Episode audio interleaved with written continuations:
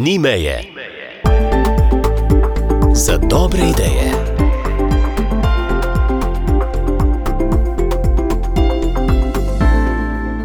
Gospod David Ravnjak, prijazen pozdrav, prihajate z Inštituta za celulozo in papir.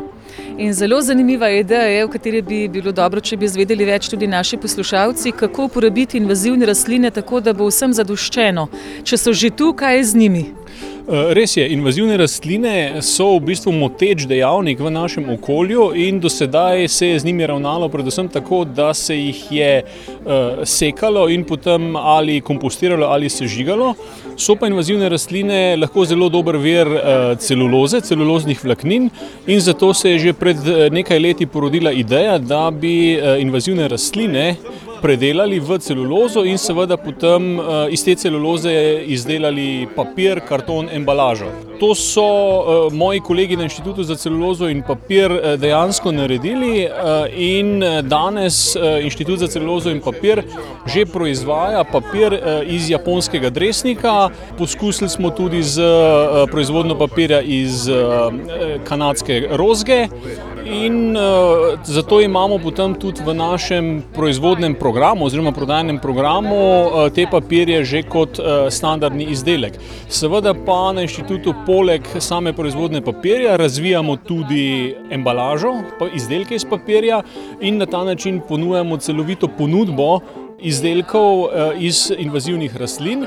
Ob tem pa je treba seveda povedati, da to predstavlja v bistvu model krožnega gospodarstva, kjer nek eh, material iz narave, ki je v naravi moteč, eh, ga vzamemo kot surovino, iz njega naredimo uporaben izdelek, papir oziroma embalažni izdelek, ki pa potem vstopa v krok eh, uporabe papirja. Torej, lahko izdelke iz papirja, iz invazivnih rastlin, normalno vračamo v krok krog reciklaže papirja in na ta način uh, tem, temu materialu damo novo dodano vrednost. Sliši se zelo revolucionarno in pa krasna rešitev, ker je zadovoljstvo na več plateh. Pa me zanima, ali se iz vsake rastline tako rekoč lahko izdela nek papir ali njemu podobna oblika, ki obstoji, ki je lahko v uporabi ljudem.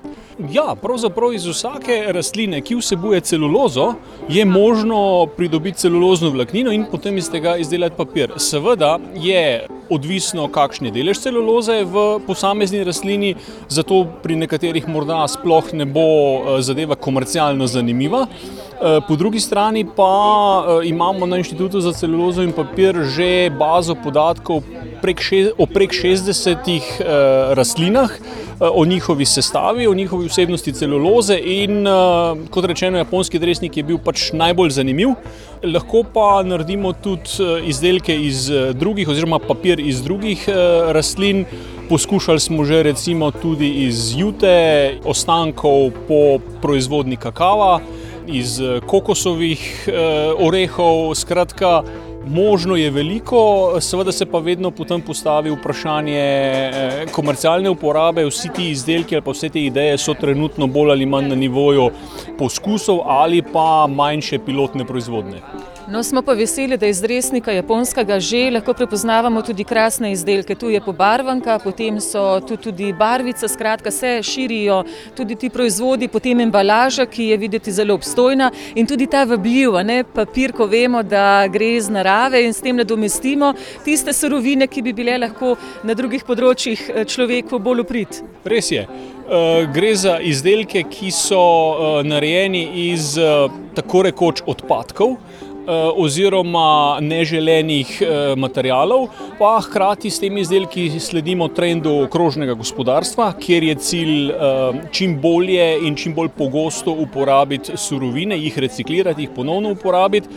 Ne na zadnje pa ti izdelki sami po sebi tudi z svojim izgledom in otipom ne, sledijo modernim trendom, skratka njihova barva je bolj rjavkasta, ni tisti klasičen bel papir, bela celulozna vlaknina, in tudi po otipu so drugačni, in zato se trenutno ti izdelki predvsem uporabljajo v, v okviru manjših projektov, ki promovirajo krožnost, krožno gospodarstvo, krožno uporabo materijalov.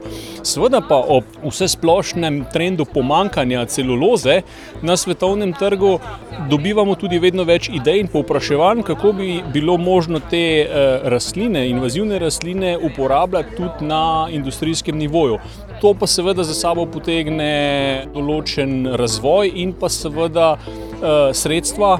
Eh, finančna sredstva, ampak tudi tu sem prepričan, da se bo slejko prej našel investitor, eh, ki bo ali v Sloveniji ali pa v Evropi zagnal, bom rekel, prvo tovarno, ki bo predelovala invazivne rastline v celulozo oziroma tudi v ostale izdelke. Ne smemo namreč pozabiti, da te rastline vsebujejo tudi mnogo drugih kemikalij, bioosnovanih kemikalij, ki jih je možno plasirati na trg še z višjo dodano vrednostjo.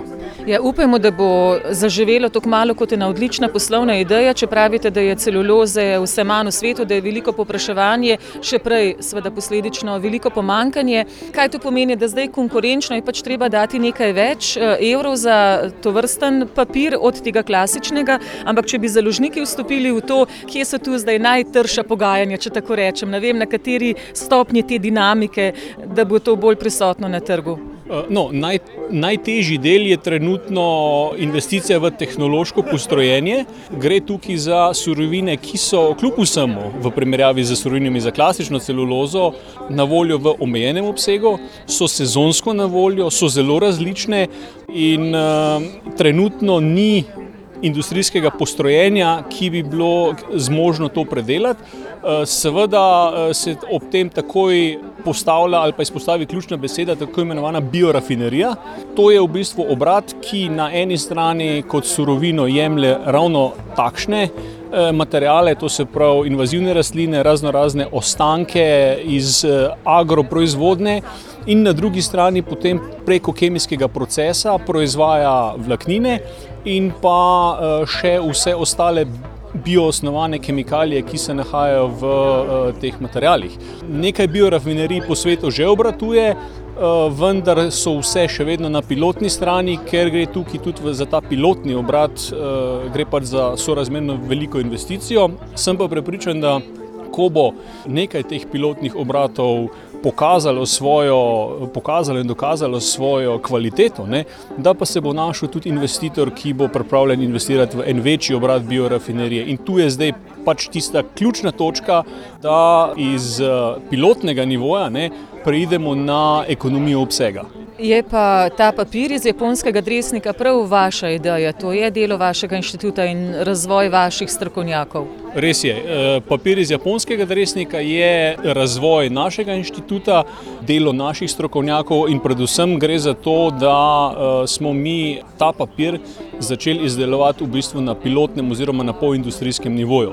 In to je tisti glavni doprinos ali pa tisti glavni korak naprej v smeri uh, povečanja oziroma promocije uporabe izdelkov iz invazivnih rastlin. Ja, prav vesela sem, da sem vas spoznala, bomo sledili torej tudi vašemu inštitutu. Uspešno delo! Hvala lepa. Ni meje za dobre ideje.